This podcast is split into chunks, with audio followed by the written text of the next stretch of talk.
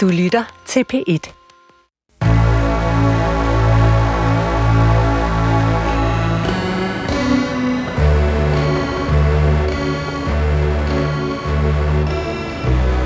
Du har ringet til Hemmeligheder på P1. Tak for din hemmelighed. Vi lover at passe godt på den. Min hemmelighed er, at jeg siger, jeg er okay med, at min kæreste ryger, men jeg hader det. Velkommen til Hemmeligheder. Mit navn er Sanne Sigalben Moyal, og jeg har netop afspillet den første hemmelighed for den telefonsvarer, du altid kan ringe til. Alt du skal gøre er at ringe på 28 54 4000, og så kan din hemmelighed blive vores. Du kan også sende os en besked, og vi kan gøre din skrift til lyd. Vi er tilbage. Vi var væk. Nu er vi tilbage. Fordi min hemmelighed er, eller var, at jeg havde brug for en pause. Og sådan kan det være nogle gange, at man får brug for pauser, selv fra hemmeligheder. Måske netop fra hemmeligheder, fordi de kan føles, ja, som hemmeligheder jo kan føles, tunge. Så min hemmelighed er, at øh, vi er tilbage i dine ører.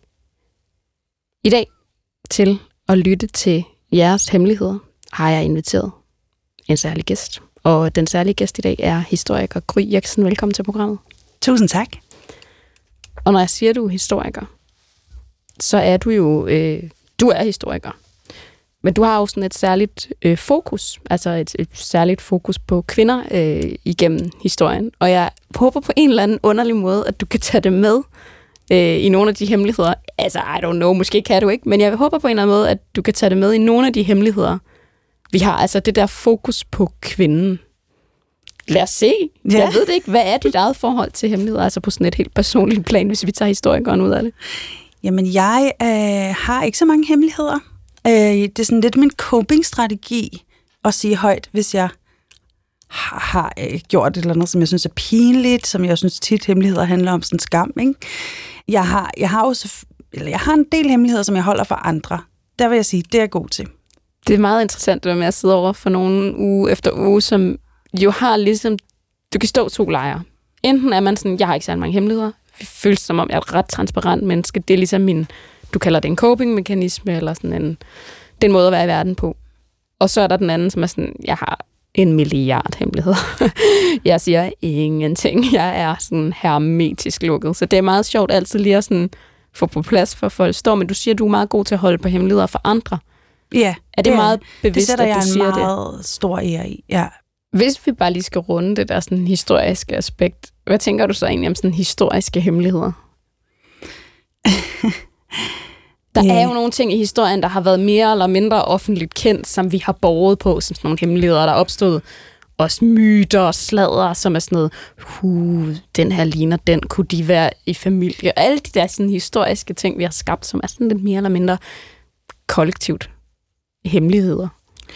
Jeg synes, det er mega spændende at få lov til at dykke ned i det lag. Og det, som jo er med historiske kilder, det er jo, at vi, har jo sådan, vi er jo egentlig beskyttet af en lov, hvor at der skal gå noget tid før, at øh, privatarkiver må åbnes, eller øh, statsarkiver må åbnes. Og der synes jeg tit, at øh, når der er gået sådan et vist antal år, og man kigger tilbage på en eller anden historisk begivenhed, så kan jeg så kan jeg godt sådan glæde mig til, hvad ligger der i de der dokumenter, fordi tit er der jo holdt på store hemmeligheder, som pludselig ændrer vores syn på historiens gang, og mm, sætter gang i nye debatter om, okay, hvad var egentlig hoved og hale i den her situation i historien? Så på den måde kan jeg godt lide hemmeligheder i historien, fordi at øh, de hele tiden, øh, de sikrer nogle mennesker, øh, som måske har været udsatte eller haft et ansvar øh, øh, på en eller anden måde, at de ikke, måske mens de lever, skal være vidne til, at deres hemmeligheder kommer ud. Og samtidig, når de hemmeligheder så kommer ud, jamen så åbner det op for, at vi kan åbne diskussionen på ny, fordi dis- historien er jo hele tiden en kampplads og en diskussion om, hvordan vi skal tolke fortiden. Så, så den, på den måde synes jeg, at historiske hemmeligheder er med til at holde historien levende. Det er enormt smukt. Nå, men det er det virkelig. Altså det der med, hvordan historisk skrivningen også skal have sine hemmeligheder, i hvert fald i, i en tid. Ja. Og så bliver det en anden tid, og så kigger vi på det på en anden måde. Og sådan gør vi også med hemmeligheder, tænker jeg, fra nu af. Og jeg øh, tænker egentlig, at øh, vi måske bare skal springe ud i det, og, øh, Tag den første hemmelighed. Min hemmelighed er, at jeg synes, at mine kollegaer er dogne. Jeg arbejder et sted, hvor det er let at gemme sig bag arbejdsopgaver og bag kaffeautomater og bag rygepauser. Så nu har jeg sladret til min chef. Jeg venter bare på, at de finder ud af, det er mig. Så der er ligesom sådan en lille appendix. Altså man synes, man har dogne kollegaer, der gemmer sig bag ryge, kaffe, øh, alle de der pauser, man jo kan tage, som er indlagt. Øhm. Og så er der ligesom lige den der lille, jeg, ved, jeg har indberettet til chefen, jeg venter på, at de finder ud af, at det er mig. Det er jo en hemmelighed. Det er en arbejdshemmelighed, må man sige.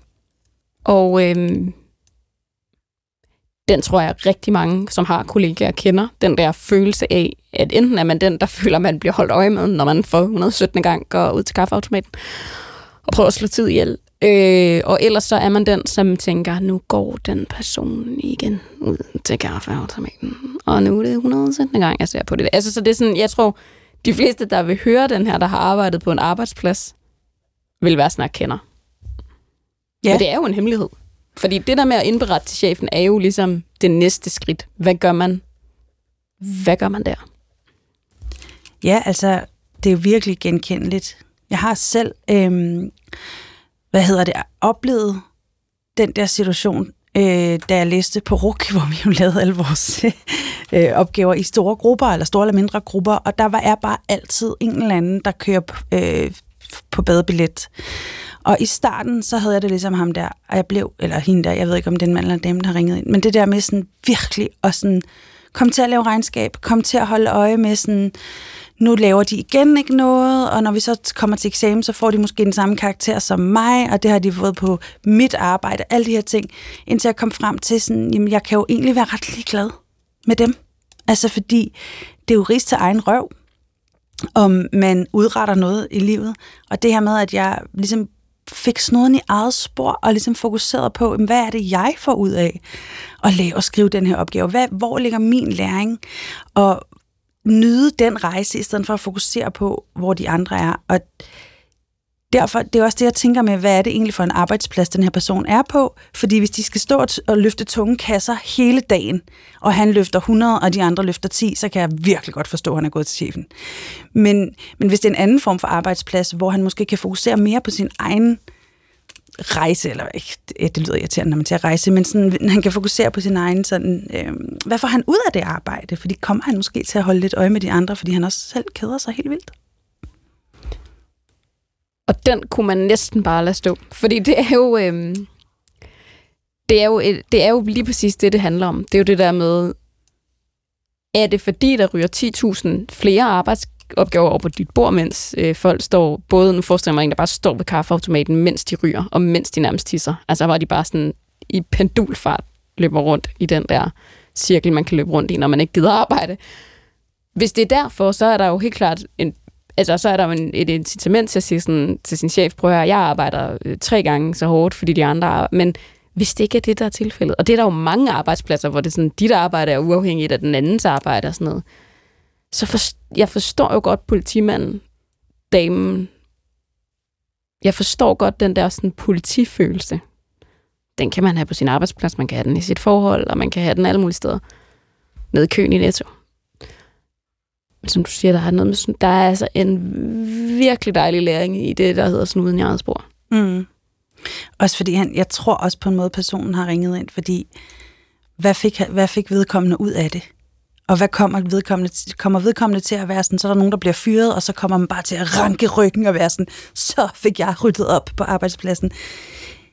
Tit når man handler i effekt på den der måde, fordi man bare får nok, altså, så opdager man jo ofte, at sådan, det var måske ikke super meget det værd i sidste ende. Nej, og jeg kan ikke helt finde ud af, om den her lille det appendix, der kommer med, uh, jeg venter bare på, at de finder ud af det mig, om det er sådan en drama. Ja. Altså sådan en, en, der også måske godt kan lide, der sker et eller andet på arbejdspladsen. Øh, og så må man sige, then congratulations. Det tror jeg, det, der kommer der kommer nok et efterspil. Øh, men ja, ellers så er det ja. jo altid værd lige at tænke. Men det kommer også an på, hvor professionel den chef er, vil jeg så sige. Sandt. Ja. Men man skal altid tænke, og det skal man også, når man sender e-mails, har jeg fundet ud af, for jeg sender rigtig mange e-mails, og især lige inden jeg skal sove, skal det her bare være en klæde? Ja. Er det her bare en klæde? Det er en meget god øh, måde, inden man trykker send på en mail til chefen, det er at tænke, det kunne også bare være en klæde. Lad mig lige tænke over det til i morgen tidlig. Og hvis man så synes klokken 7 om morgenen også, at det er en god idé, så er det måske en god idé. Vi tager en hemmelighed mere, som øh, jeg først spiller øh, på, på øh, telefonsvaren, og så øh, har vi lytteren med på telefon.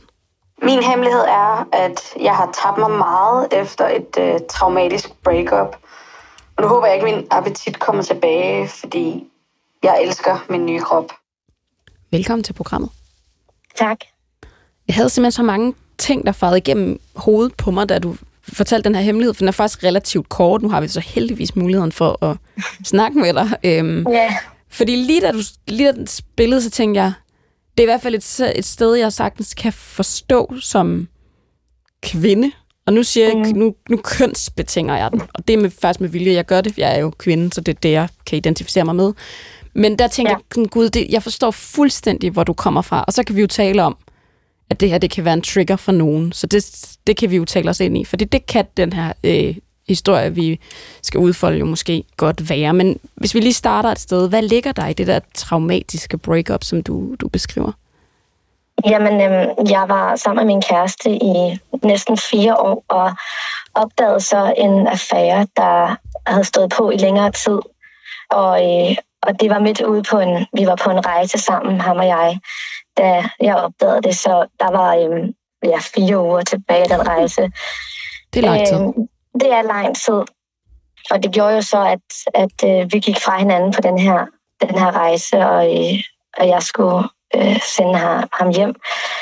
Og det var rigtig, rigtig hårdt, og også udover det var der en masse økonomi indblandet. Vi, vi boede sammen, og, og der var penge frem og tilbage. Så det var nok mere det med at have sådan et svigt, jeg ikke har oplevet før, og så alt det bøvlede med, med penge ved siden af, øhm, som ramte mig rigtig hårdt.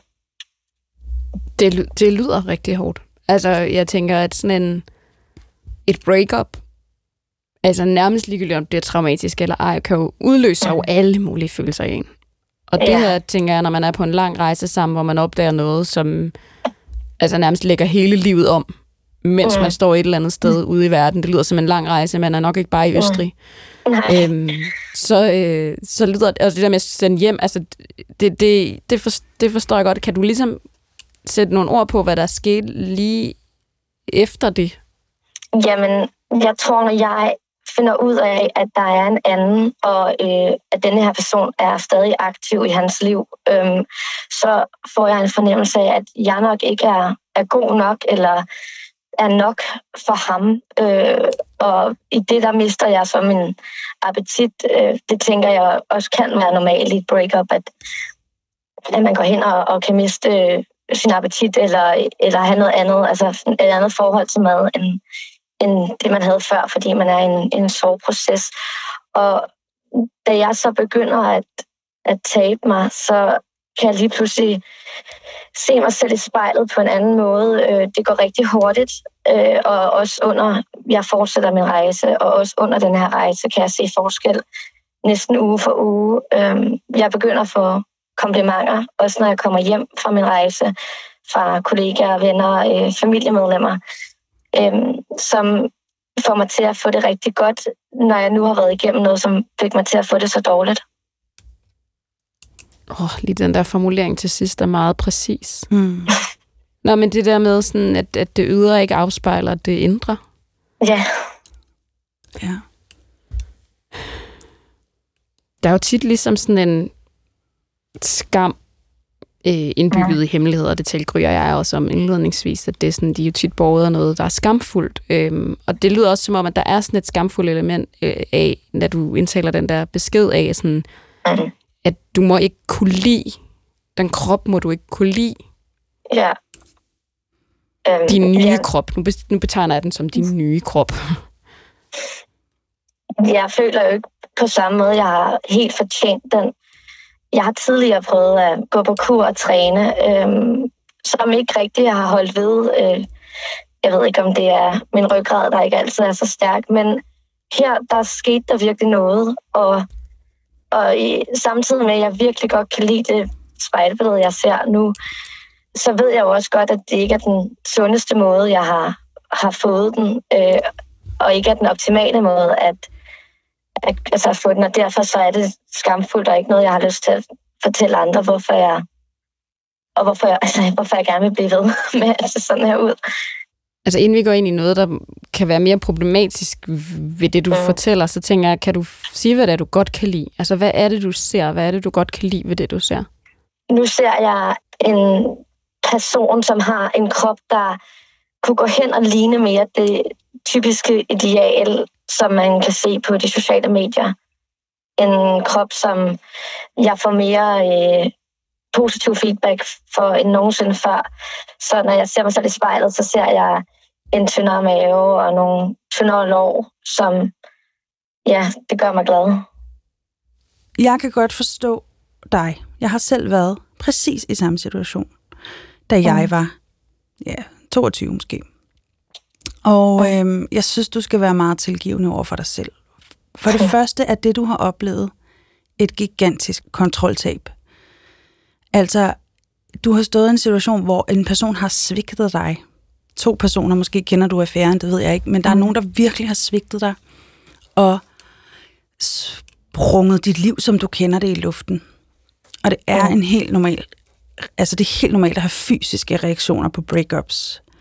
Og jeg synes ikke, at vi har lært nok om det, da vi var yngre. At det her med, at kærestesorg og breakups, kan, altså det er virkelig en sygdom, var jeg lige vil sige. Det er virkelig et traume. Og jeg tror, at det du har opdaget, det er, fordi du har mistet appetitten, og fået en tyndere krop, som du måske i mange år har gået og ønsket dig, fordi det har samfundet fortalt dig, at du skal have for at være noget værd, så oplever du pludselig, at lige, lige med det har du kontrol. I alt det, der er ude omkring dig lige nu, der har du ikke kontrol, fordi at nogen har svigtet dig. Og så er det bare øh, virkelig ærgerligt, at vi er opdraget til, at den tynde krop er den rigtige krop, og derfor får vi også komplimenter, når vi får den tynde krop, fordi alle bliver sådan ah, rolige på folks vegne, når de bliver tynde, fordi at alle er mega øh, optaget af, at, at det er den gode krop. Så jeg synes bare, at du er helt normal, faktisk, i forhold til den verden, vi lever i.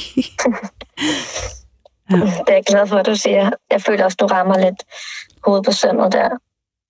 Det er lidt noget, jeg kan tage kontrol over. Øh, og det er også derfor, at hemmeligheden er lige nu, at jeg ikke har lyst til at tabe den kontrol heller. Nej. Nej, du er sådan lidt øh, ængstelig for mm. at ligne det, du var før, fordi det minder dig om noget. Ja. Føler du, at du har kontrol over, nu siger jeg situationen, altså føler du, at du har kontrol over den vægt, du har nu, og du kan finde et sted hen, hvor du også bliver glad på sigt med noget terapi på siden og, og, og sådan, øhm, eller føler du, det ved at løbe løbsk? Jeg øhm, føler, at jeg godt kan blive glad igen. Efter jeg lagde øh, min hemmelighed inde ved jer, der tog jeg fat i en øh, terapeut øh, for at at kunne få lidt hjælp til mm, at blive altså, glad igen inde i hovedet, men ikke sådan at forstået, at jeg stadig vil lave noget om på min krop. Jeg vil, ikke, jeg vil helst ikke have, at det skal påvirke mig for meget. Øh, men som du siger, Gry, at man kan jo godt stadig blive glad igen, og så prøve at beholde nogle sunde vaner, mm. og på den måde beholde sin sunde krop, eller få en sund krop. Ja, og det er jo rigtigt, du, du sagde lige, eller, fordi du, jeg tror godt, du okay. inderst inde godt ved, at der er forskel på tynd og sund. Ja. Og jeg tror, det er der, din bevidsthed ligger, fordi du ved godt, du har mistet appetitten, det er sket på grund af nogle psykiske øh, ting inde i dig, og du ved inderst inde godt, det ikke er den sunde måde. Mm. Men, nu, men nu blev det så din sejr i det her. Ja. Kroppen forandrer sig jo altid. Altså vil altid være i, i forandring. Det er rigtigt, det er den. Gud, hvor er den altid i forandring. Helt, helt Fra 20'erne ind i 30'erne. Jeg forestiller mig, ja. det samme vil ske fra 30'erne ind i 40'erne. Altså sådan, man har mange kroppe i løbet af et liv. Ja, det har man. Og jeg vil godt lige sige en sidste ting, hvis jeg må. Det er, at nu skal du ud i livet og finde glæden. Og du skal helt sikkert også finde en ny, rigtig sød kæreste. Og det gjorde jeg også lige efter det breakup, der gjorde, at jeg blev meget øh, tynd øh, på samme måde som dig. Og der mødte jeg min nuværende mand. Og vi mm. havde på et tidspunkt øh, en samtale, hvor jeg var nødt til at sige til ham, at jeg på en måde følte, at jeg havde snydt ham, fordi han havde mødt mig på et tidspunkt, hvor at, at jeg var meget slankere, end jeg faktisk egentlig, end jeg egentlig er normalt. Og, og jeg havde så taget på igen, efter jeg mødte ham, hvor han jo selvfølgelig bare var sådan, hvad snakker du om? Han kunne slet ikke huske, der var forskel. Så jeg tror også, vi, vi, vi bliver virkelig påvirket af, af den fortælling, der er om, du, du sagde, det ideale krop på sociale medier og den, den rigtige kvinde, men meget af det foregår også rigtig meget ind i vores eget hoved. Og det skal også, du skal huske, at du er din egen værste fjende i det her. Andre mennesker, mm. de elsker dig på, en, altså på alle mulige andre planer end dit udseende. Ja. Egentlig har jeg jo lyst til at stoppe den her, fordi det var så fin en afslutning, men jeg bliver alligevel nødt til at spørge om, nu når du gry siger andre mennesker, altså jeg ved jo, hvor meget veninder betyder i 20'erne, altså, og især når man går igennem et breakup, altså det er jo dem, der samler resterne af en op fra gulvet, øh, mens de stryger ind på håret. Øh, er det her også en hemmelighed for dem? Ja, øh, jeg har delt det med en, øh, men ellers er det en, en hemmelighed for alle familie øh, og selv min terapeut endnu. Øh, ja. ja. Tak fordi, at du ville dele den med os. Tak fordi jeg måtte. Ja.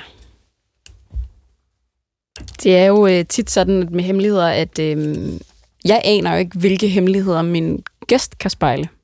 Altså, og det er jo altid sådan lidt en sjov... Jeg kan faktisk godt lide det moment af, når jeg så kan se, at det der, det kan man... Altså, jeg har jo mange hemmeligheder, jeg selv kan spejle, men det ved jeg jo på forhånd. Men sådan, det, er meget, det er meget dejligt, sådan en lille moment, af, sådan, okay, nu griber du den her lytter, vi har igennem, fordi det det kan du spejle. Ja, det kunne jeg virkelig. Virkelig meget. Det synes jeg bare er... Det er altid sådan et... Det er sådan et lille twist. vi tager en øh, hemmelighed mere. Min kæreste har den fedeste lejlighed.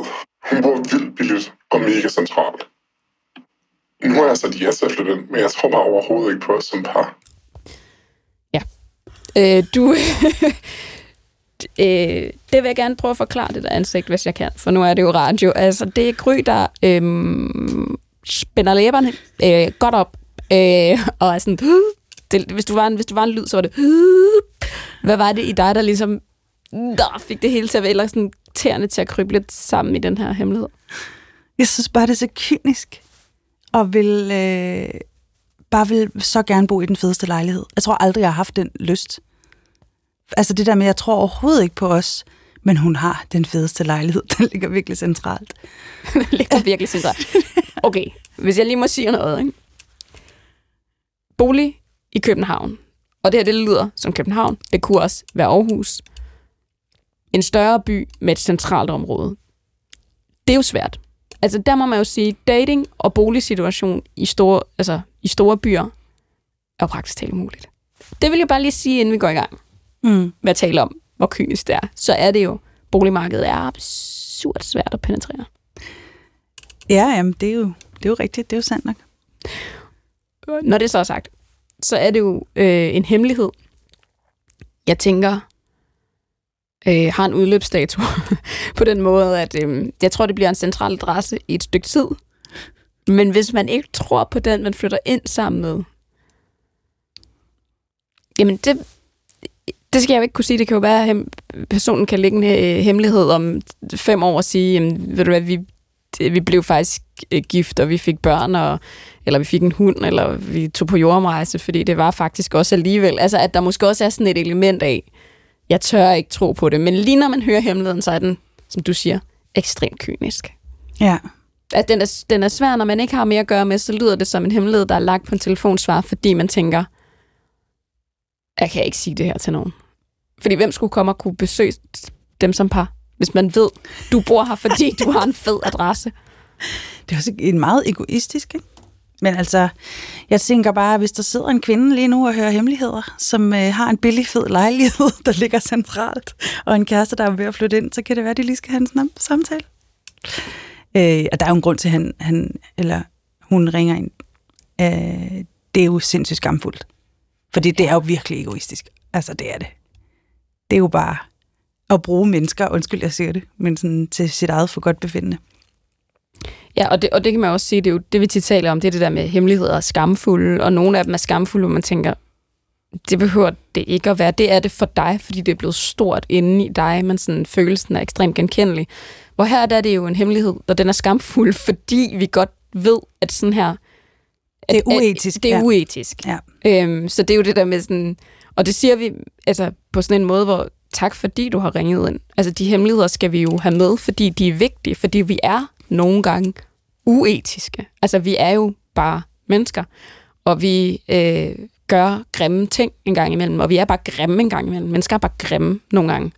Så tak for også at lægge den besked.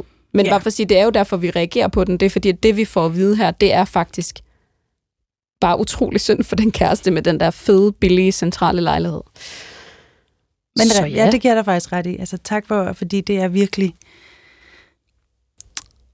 Det er jo egoisme, og den har vi jo alle sammen indbygget i os, og så kommer den til udtryk på forskellige måder, så, så det kan jeg godt se, hvad du mener med. Jeg forstår du, hvad jeg mener? Nogle gange så er det jo også det der med at få en hemmelighed ind, der er grim, at vi er nødt til at have en gang imellem. Fordi nogle hemmeligheder er jo ikke bare sådan, hvor vi kan sige, uh, det er blevet stort for dig, og let yourself off the hook. Altså nogle gange så er det jo bare sådan, din hemmelighed er grim. Ja. Og det er faktisk helt okay. Altså, at du også ringer ind med sådan en hemmelighed. Altså, Ja. fordi det også netop ja, udstiller det der med, hvad vi er som mennesker, og nogen af os er bare en gang imellem grimme. Og vil bare gerne have en super fed, øh, flot lejlighed i. Amaliegade. Ja. Vi tager en hemmelighed mere. Min hemmelighed er, at jeg tror, at jeg bliver gaslightet. Øhm, Jeg har læst om det på nettet, og jeg kan genkende alt, der står. Jeg har så prøv- prøvet at forklare en veninde det, men hun kender ham kun som charmerende og venlig. Hun kender ikke den side af ham, som jeg vil kalde hans skyggeside.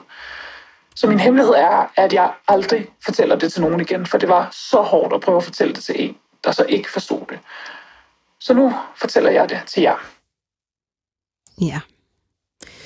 Altså hele den her gaslighting. Altså nogle gange, så sker der jo det i, i et samfund, at vi får nogle termer for noget, som vi, eller vi får et, et sprogbrug, hvor vi alle sammen ved, hvad vi taler om. Altså MeToo var et rigtig glimrende eksempel på noget, som er foregået i sikkert decades, men vi ikke har haft et sprog for. Og så lige pludselig får vi et sprog for det. Gaslighting føler jeg også lidt er sådan en afledt, et afledt ord øh, fra hele den samtale, vi har haft de sidste par år. Altså, hvad er gaslighting? Øhm, og jeg tænker, der er en her, der siger, at jeg har slået det op på nettet. Altså sådan en, der har hørt et ord, og man tænker, hvad er det? Og så har man slået det op på nettet, og kan lige pludselig genkende ja, det meste, der står. Og gaslighting er jo bare, hvis man sådan lige skal... Så er det jo, at man kan være sammen med et øh, menneske, det kan jo også være andet end et menneske, det kan også være et medie. Altså alt muligt kan jo gaslighte dig, men at du bliver i tvivl om, hvad det er, du ser. At den person, den instans gør noget ved din opfattelse af, hvad der er virkelighed. Og hvis man kan genkende det, øh, så er det måske en meget god, altså god idé at slå det op på nettet, som den her person jo har gjort. Men hvad gør man fra, man har slået det op på nettet? Ikke? Det er det, der er svært. Fordi et er, at du kan gå ind og se, at jeg kan genkende det her, og så kan man måske få en bevidsthed om, hvilken retning det her går, men hvad gør man derfra? Mm. Hvor tager man den fra nettet og ud i virkeligheden?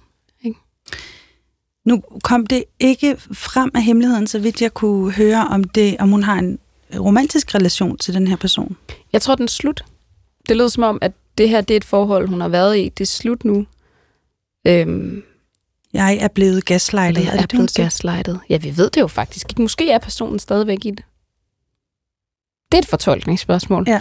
Men det er i hvert fald sådan, at den person har så fortalt det til en. Og sådan er det jo nogle gange, når man fortæller noget. Man vælger jo en person, man siger det til, en man sikkert er tryg ved, eller synes har et godt perspektiv. Og så er den person ikke grebet Mm. det, der blev sagt. Så nu, det var en hemmelighed, så er der blevet åbnet for den hemmelighed, og nu er den ligesom sådan, nu kommer den aldrig ud igen. Fordi hun er blevet gaslightet en gang til. altså faktisk af sin veninde. Fordi gaslighting handler jo rigtig meget om, at der er en i relationen. Nu antager jeg, at det er en romantisk relation. De har et parforhold. Og den person, hendes, hendes kæreste, har gaslightet hende. Han har øh, bestemt narrativet for deres relation, så det er hans følelser, hans behov, der, der styrer. Øh, og, og når man bliver gaslightet, så, så kan man opleve, at når man udtrykker sine egne følelser eller egne behov, så bliver de negligeret, øh, latterliggjort eller hånet, øh, og i ekstrem form for gaslighting, som, hvor vi jo er helt over i det, vi øh, på dansk kalder psykisk vold, så kan der også være trusler hvis man øh, prøver at vride sig fri af det narrativ og insistere på, at ens egen opfattelse faktisk også skal have værdi. Så det er en måde, at mennesker styrer andre mennesker på. Når hun så vrider sig fri via internettet, og faktisk, hun ved jo godt, der er noget galt i den her relation, og det er jo derfor, hun googler. Og så pludselig ser hun sig selv fuldstændig spejlet den her beskrivelse af gaslighting på nettet, og så tror jeg måske også, så bliver hun garanteret lidt lettet, fordi noget af det, man også rigtig meget lider af, når man bliver gaslightet, det er en følelse af hele tiden at være forkert. Jeg er forkert som person, og fordi jeg er så forkert, så har jeg rigtig meget brug for den, der gaslighter mig, fordi de er min eneste tryghed. Det er, det, de får en til at føle, at øh, man har rigtig meget brug for dem. Når hun så siger til veninden, jeg tror, det her sker i mit liv, så bliver hun jo faktisk gaslightet en gang til af veninden, fordi veninden siger, det kan jeg overhovedet ikke se. Hvorfor tænker du sådan om ham? Hvorfor? Og det er jo, sådan kender jeg ham Sådan ikke. kender jeg ham ikke. Øhm, og han vil også måske selv sige, sådan kender jeg slet ikke mig selv. Altså sådan der er jeg slet ikke. Jeg er enormt omsorgsfuld. Jeg tager mig jo af dig, og jeg passer jo på dig, alle de her ting. Så det er jo det, det er derfor, hun tænker, nu siger jeg det aldrig mere igen, fordi det var rigtigt, at det er mig, der er forkert. Og det er jo virkelig det, der er så synd med den her hemmelighed. Fordi hun har virkelig fat i den lange ende. Og der er en lille fli af håb, fordi den her person trods alt har alligevel, trods det, at man har fortalt det til en, som har retraumatiseret en, eller gaslightet en igen, som du siger, så har man alligevel valgt at ringe ind. Mm. Og det tænker jeg, at man skal prøve at holde fast i, at man alligevel har brug for at efterlade sin stemme et eller andet sted, fordi man godt ved, at der er noget, der er forkert.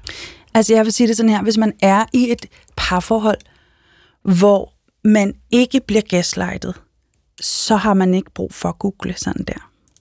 Så øh, jeg, øh, jeg er slet ikke i tvivl om, at du er på rette vej, og du skal bare forfølge dine følelser, fordi du har ret til at, at være i, i, øh, i kærlighedsrelationer og i venskabsrelationer, hvor du kan være 100% dig selv, og ikke hele tiden får at vide, eller har en følelse af, at du er forkert. Når du ved så meget om det her, Nå, så tænker jeg sådan, så er det jo ikke nødvendigvis, fordi du kan spejle alle hemmeligheder. Det lyder ikke som om, at øh, du er i sådan en relation selv. Men så er det fordi, du har interesseret dig for det, altså af egen, mm. altså af egen interesse, eller... Som du sagde lige før, så er gaslighting et ret nyt begreb.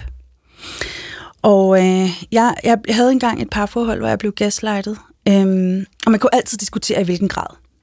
Men jeg kom ud af det her parforhold, øh, en person, som, som vidderligt sådan sugede mig ind, øh, var sådan, du er det bedste, der er sket, du er kvinden i mit liv, vi skal være sammen for altid, og så øh, var alt ligesom på hans præmisser, og så lige pludselig var jeg ikke god nok, og så skyllede han mig nærmest bare ud med badevandet på et splitsekund. Og jeg gik mange år med en følelse af, at det var mig, der havde været forkert, at det var mig, der ikke havde været en god nok kæreste, at det var mig, der ikke havde været glad nok. Og så, fortal, så han gjorde nemlig nogle ting, som var mega grænseoverskridende, som jeg så fortalte som sådan nogle ikke gåseøjne sjove historier. Ej, jeg havde engang en kæreste, som skrev en sang om, at jeg fik en abort, og spillede den for alle sine venner og mig, uden han havde fortalt mig det. Og så var der nemlig en gang en dame, som sagde til mig, Gry, det der er ikke sjovt. Det her, det der er meget grænseoverskridende. Det, han Vidste du det godt? Altså, kunne du, vidste du godt, at det var det, og så havde du pakket det ind i ja. noget for, ja. for en distance til? Ja. ja, og så åbnede jeg op for hende omkring, hvad det egentlig var, jeg havde følt i den her relation. Og så, øhm, så sagde hun, jeg tror, du er blevet gaslightet. Og jeg tænkte du så, gaslightet? Så, så, så googlede jeg, og så var jeg sådan, wow, altså, så havde jeg det sådan, som hun har det lige nu. Hele min verden faldt på plads. Og jeg ligesom, det var ikke, fordi jeg slet ikke havde noget ansvar i den relation, der skal jeg bare lige sige. Altså selvfølgelig var, har jeg også været medspiller i det der parforhold, men det der med sådan, den forkerthedsfølelse, jeg havde haft så længe, var bare sådan pludselig kunne blive placeret et sted, hvor jeg ikke alene havde ansvar for den. Og, øhm, og jeg kunne ligesom slutte fred med det. Nu var jeg jo videre. Det lyder som om, hun er midt i det, og det, det er meget svært at se ting i perspektiv, når man er midt i det, men sådan, det er derfor, jeg ved noget om det, ja. Og så er det jo også, som du siger, at du er historiker, det er jeg også. Så er der jo det der med at kigge på begreber igennem, altså som, som opstår, som jo nu vil blive sådan nogle begreber, vores børn kommer til at bruge som det mest naturlige, men som for os var nye, ikke? Mm. Altså som var sådan, gud, hvad er gaslighting? Det lyder spændende. Altså, og sådan opstår altså ord og sprog og historie, og så, altså det var meget, øh, det er meget spændende. Ja, Og, og så det der lige med veninden, vil jeg bare lige sige, hun er jo heller ikke, hun er jo ikke sådan en overgrebsmand, gaslighter. Hun har bare selv blevet gaslightet, den her fyr, som fremstår meget charmerende. Ja, det har vi ikke ord for. Øhm, vi tager en hemmelighed mere. Min hemmelighed er, at øh, jeg har en mail, hvor jeg sender historier til medierne om øh, sladder. Jeg ser, om de er kendte. Og øh, jeg kan se, at min tip en gang imellem øh, er ført til overskrifter, og det giver mig en kæmpe tilfredsstillelse. Der bliver grinet. ja, altså en form for sådan noget, nu siger jeg sådan Gossip Girl. Det er sådan en serie, øh, som nogen helt sikkert vil kunne huske, der havde sådan en, det var sådan en, det var sådan alter ego, der ligesom skrev om, hvad der foregik på det, og det her, det var så sådan en high school ting, ikke? men det blev jo til hele New York, altså hvad der foregik, og det var anonymous, og, og det satte ligesom sådan en helt dagsorden, og her kan jeg ikke lade være med at tænke på, at det her, det er jo så sådan en, der gør det måske selv, og skriver for sådan en, I don't know, proton-mail, eller sådan noget, jeg ved ikke, hvor avanceret det er. Men der er jo også ligesom hele det der community, som var Reddit, og altså de der, hvor man kan se, at der opstår historier. Altså der opstår historier på C og Hør og BT, ud fra de her fora, hvor folk sidder og, og deler ting anonymt, ikke? Altså, øh, på ja, både godt og ondt, det, har jeg ikke, det er ikke, fordi jeg behøver at tage stilling til det, men sådan, det er jo bare meget sjovt, det der med, at der er de der paralleluniverser, og det må jo være, fordi folk bliver tilfredsstillet af at gøre det, så jeg synes egentlig, det er en meget ærlig hemmelighed. Altså sådan, jeg finder stor tilfredsstillelse i noget, som andre ville synes var lyssky, altså sådan, hvad laver du, og hvad er du gang i, og slader, det er ulækkert, og alt det der, ikke? Og det kan vi jo snakke enormt langt, fordi slader ligger jo op af hemmeligheder, og hvad er grænsen mellem slader og hemmeligheder, men altså, vi må også bare konstatere, at det, vi taler om, som jo er et sladerprogram, det er et af de mest lyttede programmer i Danmark. Hvorfor er det det? Fordi vi kan godt lide slader.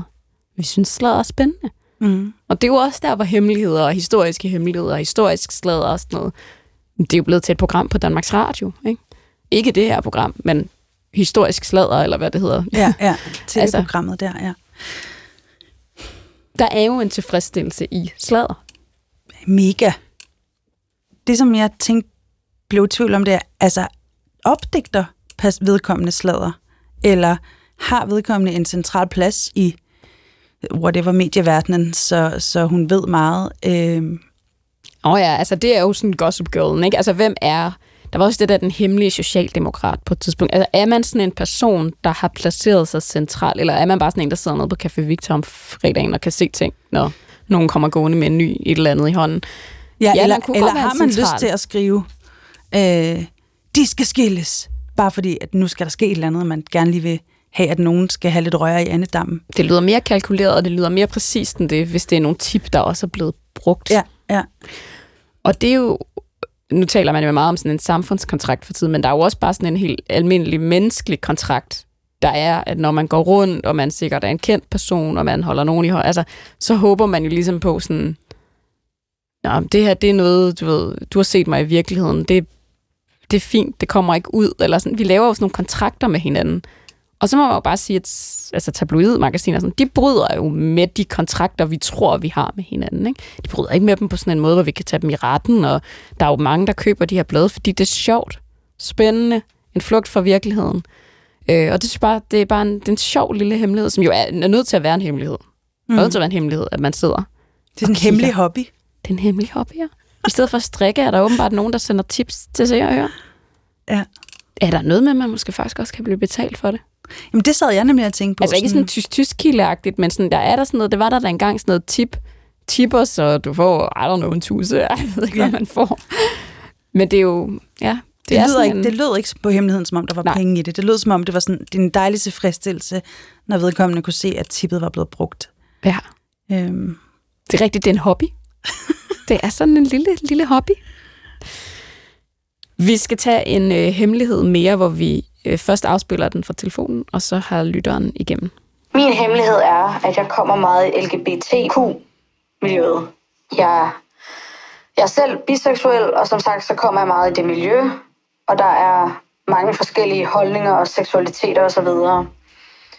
Og det, der egentlig er min hemmelighed, er, at alle de her pronomener, de irriterer mig så meget. Og hver gang jeg hører, at nogen skal kaldes de dem, så bliver jeg grundirriteret i mit sind. Og jeg føler, at jeg holder tilbage. Jeg, jeg har ikke nogen intention om, eller jeg har, ikke, jeg har ikke lyst til det, at sige det. Altså, jeg er et meget accepterende menneske, men jeg synes bare her, at ting med de dem, og det med, at folk skifter til alt muligt, det er blevet for meget. Det er min hemmelighed. Velkommen til programmet. Jo, tak. Jeg synes, det er en meget spændende hemmelighed. Du griner selv lige, når du... Er det, fordi ja. du hører den igen? ja, jamen det, det, jamen det er rigtigt. Altså, det er også fordi, det er sådan en, en irritation, jeg virkelig, virkelig har haft lang tid, og det er bare lidt skørt, det der med, at jeg selv er så meget inde i den verden på en eller anden måde også. Altså, ja. Nå, men det er jo det, der er det altså, smukke ja. ved den her hemmelighed, fordi ja. man kan sige, at dem, der står udenfor, øh, og det er jo ligegyldigt, hvilket sådan fællesskab man har, så er det ja. sådan noget, det er blevet for meget. Det kan folk jo sige til alle fællesskaber, når man står udenfor sådan, og kigger ind, sådan, åh, det er for meget. Ja. Og sådan noget. Men det er, jo, det, det er jo spændende er jo, når man selv har det sådan med et fællesskab, man selv øh, udgør en del af. Kan du ligesom... Ja. Øh, man kan jo godt høre det i din, din besked. Altså sådan. jeg var også mere, jeg var også, jeg var også, jeg ved ikke, jeg var, jeg var meget irriteret lige der. men, men jeg er stadigvæk irriteret over det på en eller anden måde. Hvad er det ja. i dig, der sådan, åh, hvad er det, der irriterer? Hvad er det, der sidder, når du, når du bliver sådan der? Jamen, jeg synes bare, det er det der med, det bliver sådan... Jeg synes bare generelt, verden i det, nu kommer jeg meget i det, og jeg synes bare ikke... Jeg synes bare, der er rigtig meget, der ikke er sådan, så jordbunden mere på en eller anden måde. Altså, øh, det er meget sådan navlepillende, synes jeg. Øh, på en eller anden måde selvhøjtidligt. Også bare sådan generelt, altså alle de her ord og sådan noget. Nu er jeg jo mig og min kæreste, vi er jo i et, det hedder polyamorøs forhold. Og af en eller anden grund, så er jeg bare så irriteret over det ord, polyamorøs. Jeg synes, det lyder så fisse fornemt. Og jeg vil bare gerne kunne sige åben for. Bum. Ikke alle de der øh, smukke ord og alt det her. Og det er også bare det, jeg tit oplever. Også sådan, vi var til Pride, og der oplever jeg også bare meget, synes jeg, at det er jo helt fantastisk. Jeg elsker Pride, og det er jo, altså, jeg støtter virkelig op om alt med LGBT, for jeg er også selv LGBTQ+. Men det er bare fordi, det der med, at det kommer meget til at handle om sex, det hele, synes jeg. Og så sidder folk i sådan et eller andet panel, og ja, lige præcis give hinanden ret, og skulderklap, og, og alle mulige fine ord. Og det, det, det er sådan, jeg ved ikke helt om, det er bare ligesom om, jeg synes nogle gange, at det bliver både selvhøjtid, men også kommer til at handle rigtig meget om sex hvor jeg synes, det er lidt ærgerligt, at det er blevet sådan. Og folk bliver meget sure, hvis man laver en fejl, føler jeg også. Øhm, det var sådan en anden ting, ja. Altså, jeg kan ikke lade være med at tænke på, Altså, at når man er en minoritet, og det er der mange, der er minoriteter i det her land, for det er jo bare en monokultur, så jeg ved ikke, I don't know where to start, men altså, så er det jo det der med, at man ligesom er nødt til at værne om de der øh, øh, ja. hvad kan man sige, værdier, man har bygget op ja. sammen. For at det ja. ikke ligesom kommer til at fremstå som om, sådan, oh, så var det heller ikke vigtigere. Eller sådan, så man er lige nødt til at stå fast på de her ting. Og ja. det er det, der ligesom sætter sig på tværs øh, øh, i dit indre univers. ja, lige præcis. Det er det der med, at jeg ligesom synes sådan, jeg ved ikke, det er lidt svært at forklare, fordi der er ikke så mange, der sådan... Jeg ved ikke, om der er nogen, der sådan har... Altså, jeg sidder jo meget nede i den verden, og sådan egentlig bare har den der hemmelighed lidt for mig selv, ikke? Og jeg tænker, hvis jeg siger den her højt hernede, så... Uha, Øhm, men, men det ville helvede sikkert også bryde i brand, fordi der er jo sikkert mange, der har det sådan der, men man er nødt til ja. at værne om det for at, at holde fast på det.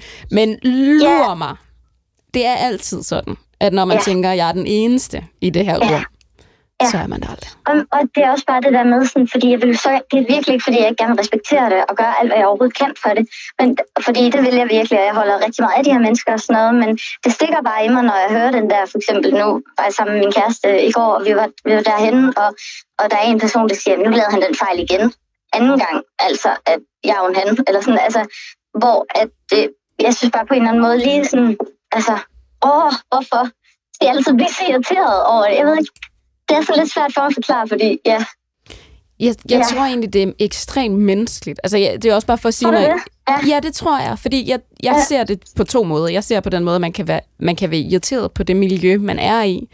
Øh, af rigtig mange grunde, men en af dem kan netop være det der med, hvis man ikke selv ligesom øh, har det behov, men at du også sagtens ved, at det er et behov for det fællesskab, ja. I har, for at I kan få lov til at eksistere på den måde, ja, I skal, I skal altså, eksistere på. Så det er jo sagt med alt respekt. Det kan jeg også høre, du gør. Du lyder som om, det, du... Det er jeg glad for, du siger, fordi jeg har virkelig respekt for det, og jeg vil virkelig gøre alt, hvad jeg kan for at, og, og, hvad kan man sige, at respektere det. Uh, selvom der er nogle ting, jeg ikke forstår, Fordi der er meget af det her seksuelle, alle de 117.000 forskellige ting, der er i dag og sådan noget. Det, der er meget af det, jeg ikke forstår, men, men jeg skal nok respektere det, og jeg respekterer det, og, men, øhm, men, men ja, jeg Ja, fordi bare, er ellers lidt... så er du egentlig til, altså hvad kan man sige, ellers så føler du, at du er inkluderet i det her fællesskab. Ja. Altså det, det er et fællesskab, du føler føler jeg. dig hjemme i. Ja. Jamen, det føler jeg helt sikkert, altså. Øhm, jeg, jeg, jeg synes godt, det kan være meget sådan øh, vulvær overalt, eller under, sådan, sådan bafler med vulvær, og jeg ved ikke, altså sådan, det bliver lidt, men det er jo også, altså jeg tror også bare, det måske er lidt gammeldags, jeg ved det ikke helt, hvad det er, men, men, øh, men jeg forstår det jo godt, og jeg respekterer det også og sådan noget, men jeg synes, noget af det, der virkelig sætter sig i mig, det er, når man kom, at det der med, min kæreste sagde på et tidspunkt, jeg, kom, jeg sagde hun til en, og han blev ved med at sige, de, de, de, de, husk det nu, husk det nu, og sådan, der blev jeg sgu irriteret. Altså, det, er jo- det, Og det er jo faktisk underlige enormt ting. rart for øh, os andre at høre. Det, I begår det er også for, fejl fordi, i det. Ja, ja, fordi jeg tænker også, det kommer også til ligesom at på en eller anden måde virke som sådan lidt mopset. Altså, det tror jeg bare, der er flere udefra, har jeg hørt også, der føler, at det er sådan lidt mopset kultur også med det. Når de så kommer ind og prøver på ligesom at gøre deres bedste, ikke?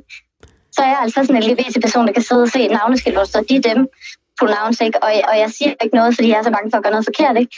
Så det, det, det er bare sådan, ja. Og så synes jeg ikke, det burde være Har dit forløb med at være biseksuel og sådan. biseksuel, øh, og nu var jeg ved at sige polyamorøs eller i åben Ja, forhold, ja det, det kan du bare. Ja, Øhm, ja, ja, jeg Nå, siger jeg forhold.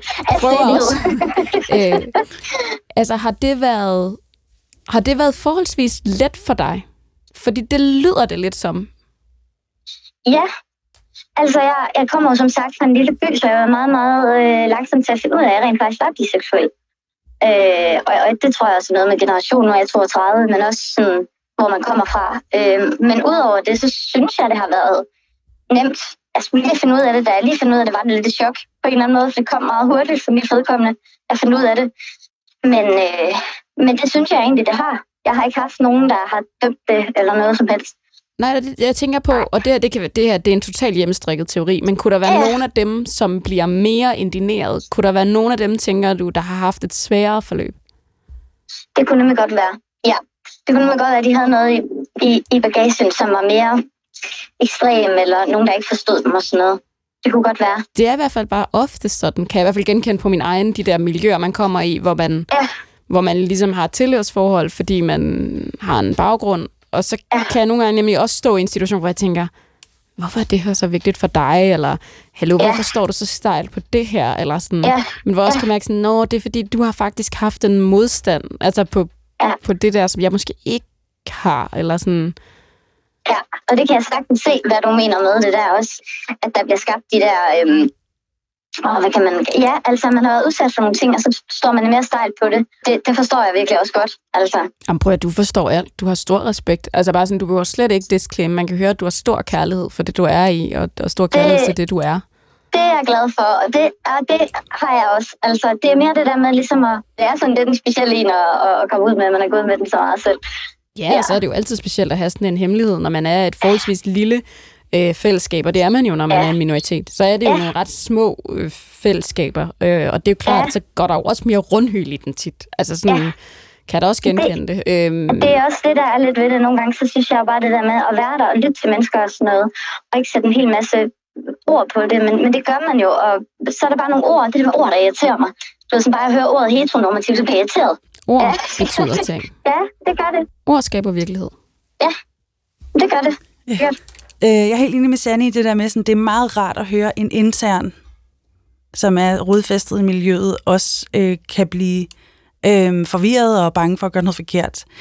Jeg tror også, der er flere lag i din hemmelighed, og det ene er, at minoriteters kamp for en plads i verden er tit båret af vrede, og derfor er sammenholdet i sådan nogle grupper, det var det også for 70'er-feministerne, selvom kvinder ikke er en minoritet, så blev de behandlet sådan, at, øhm, og diskrimineret, så kommer man i starten langt på vreden, og man støtter hinanden i at være vrede over, at nu skal vi kæmpe for den her plads i verden. Og øh, du lyder som om, at du ligesom er et sted, hvor at du føler ikke, at der er behov for, at du skal være vred mere. Nu vil du gerne faktisk bare leve dit liv i dit åbne forhold. Mm. Og så bliver du irriteret på dem, der bliver i vreden. Men Ja. det er faktisk det sammenholdet for nogen også kan handle om. Og du, ja. Ja. altså, du er bare landet et, et, et sted i dig selv, hvor det ikke er et behov længere. Ja. Og det er de andre måske ikke. Altså, det er jo også forskellige, altså måske bare udviklingsstadier i livet, altså hvor, Ja. øh, hvor man er. Øhm, Og man må gerne blive irriteret på sine medmennesker. Ja. Også, altså, Ja. også selvom det er politisk ukorrekt. Ja. ja. Så, øh, så ja. Det er meget godt at få den sådan lidt ned på jorden, faktisk. Fordi at, øh, at det egentlig er okay og sådan noget. Fordi det virker så forbudt på en eller anden måde, at det må man ikke blive irriteret over, fordi det er jo Har man noget så, det at gøre. ja, det, er man så ekskluderende? Er man så diskriminerende i sin egen natur? Det, det er slet ikke det, det handler om, Nej, kan jeg høre på nej. dig. Nej, men det, det er jeg virkelig glad for. Det er også meget, meget vigtigt for mig at sige. Ja. Vi er glade for, at vi kunne prøve at tage den lidt ned på jorden, og, øh, Ja, og, og good luck derude. det er godt. Det var programmets sidste hemmelighed. Inden at du har taget en hemmelighed med til os. Ja, Ja, yeah, I know. I know. Det går hurtigt. ja. Skal jeg bare fortælle nu så? Hvis du er klar på at fortælle. Man kan jo altid sige, det kan jeg simpelthen ikke. Det har jeg ikke lyst til. Ja. Nej, men det, har, det vil jeg gerne. Altså, jeg har det sådan, jeg stiller faktisk sjældent, sjældent ikke, ikke vildt sjældent mere, men det er meget nyt for mig at stille op i ting, hvor jeg ikke bare skal være ekspert, hvor jeg bare er mig selv. Og jeg har det, den tommelfingerregel, at hvis jeg gør det, så, så skal jeg også give noget af mig selv. Så det gør jeg også nu. Jeg blev mor i 2016. Eddie er født i oktober. Øh, og øh, der var ikke sådan rigtig andet morfællesskab end lyserøde og lyseblå øh, bodystockings og, og, og cupcakes på Instagram. Øh, eller kvindekroppe, der bare øh, to uger efter de havde født, lignede sig selv fuldstændig og sådan noget. Men der var også selvfølgelig også, så ryger jeg, øh, når jeg sidder der og scroller på Instagram, ned i nogle kaninhuller. Og algoritmen vil jo gerne vise en det, man selv er i. Og øh, så kommer der simpelthen sådan nogle videoer på min Instagram af øh, folk, der bader med deres meget små babyer i svømmehallen, eller i en swimmingpool, eller et eller andet. Hvor at de så ligesom kan tage den her lille baby, og så stille og roligt bare tage den ned Dykke under vandet. Ja. Og så er det så magisk ja. med næsten nyfødte, at de bare lukker helt af. Og, og, og kan være under vandet og holde, og holde vejret. Og så kommer de op igen og åbner, og er sådan lidt, Nå, ej, hvor sjovt, nu dykkede jeg lige. Og øh, jamen det er, du kan godt mærke, jeg synes virkelig, det er pinligt, det her. Jeg kan og godt det, mærke, hvor vi er på vej hen. Og det er, øhm, det er så mig, der har set de her videoer, og tænker, gud, kan den det? Det, det kan den ikke. Jeg, jeg ved præcis, hvad det er for en video, du har set. Øhm, Det ser så, ekstremt sådan, Ja, ja, men sådan øh, ja, magisk, ja. Eller sådan wholesome, altså Ja. ud, fordi det er den nyfødte babys habitat, naturlige habitat. ja, lige præcis. det er ikke? Så jeg har, har min baby i bad simpelthen, og øhm, han er måske nok til der tre måneder gammel. Og jeg er alene hjemme, og har ham i bad. Og så dypper jeg simpelthen bare hans hoved ned under vandet. Og han bliver jo sindssygt forskrækket og, og skriger. Altså jeg kan huske, han skreg i sådan noget 20 minutter, mens jeg bare gik rundt med ham og sagde til mig selv sådan, hvad fanden har er du det, du gjort?" tænker på, hvad du har gjort? Altså sådan, du har jo, du, du var jo faktisk nærmest ved at slå dit eget barn ihjel. Og det, der kan jeg huske, at tænke sådan, det her, det kommer jeg aldrig til at fortælle til nogen, fordi det er simpelthen det dummeste, jeg nogensinde har gjort. Og jeg vil bare sige, at han lever i bedste velgående, og øh, elsker at bade, og også at dykke. Men lige der, der tænker jeg sådan, nu er jeg dumpet. Altså nu bliver jeg anholdt lige om lidt. Nu kommer morpolitiet og siger sådan, det, det kunne du jo ikke finde ud af. Altså sådan, vi gav dig chancen, du failede. Jeg forstår også godt den der følelse af, at du har været sådan forholdsvis nybagt mor. Man har gjort en ting, som mange mødre jo også kan være bange for. Altså det der med, ting, hvis jeg kommer til at gøre ja. noget, som gør mit barn...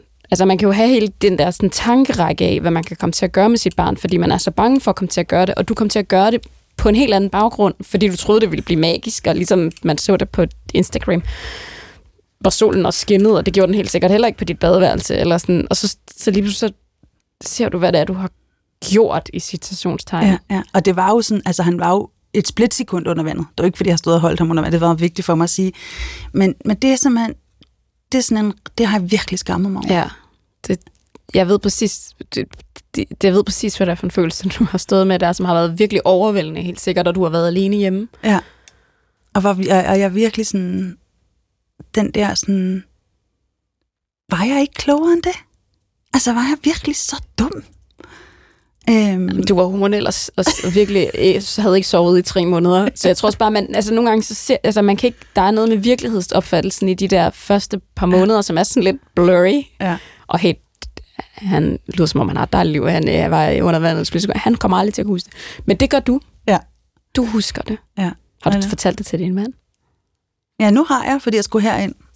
Der skal mere til at ryste ham, vil jeg sige. Men altså, jeg tror, at det kom bare bag på mig, at jeg, jeg tror ikke, jeg ville være kommet i tanke om den, hvis ikke jeg skulle det her. Altså, fordi jeg virkelig skulle tænke mig om sådan, og hvad er hemmeligt? Altså, der er også nogle hemmeligheder, hvor sådan, jeg kan da godt sige, at jeg er smugryger, men altså, wow, spændende. Jamen, men, du har arkiveret den et jeg sted. har, ja, og pludselig kom den frem som sådan, en- det er faktisk en, en ægte hemmelighed. Ja, nu er det ikke mere. Tak fordi du delte din hemmelighed.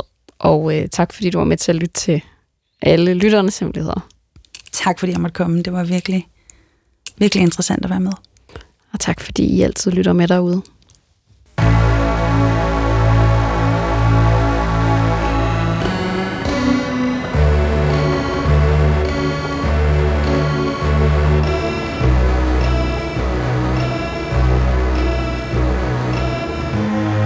Du har ringet til Hemmeligheder på P1. Tak for din hemmelighed. Vi lover at passe godt på den. Gå på opdagelse i alle DR's podcast og radioprogrammer. I appen DR Lyd.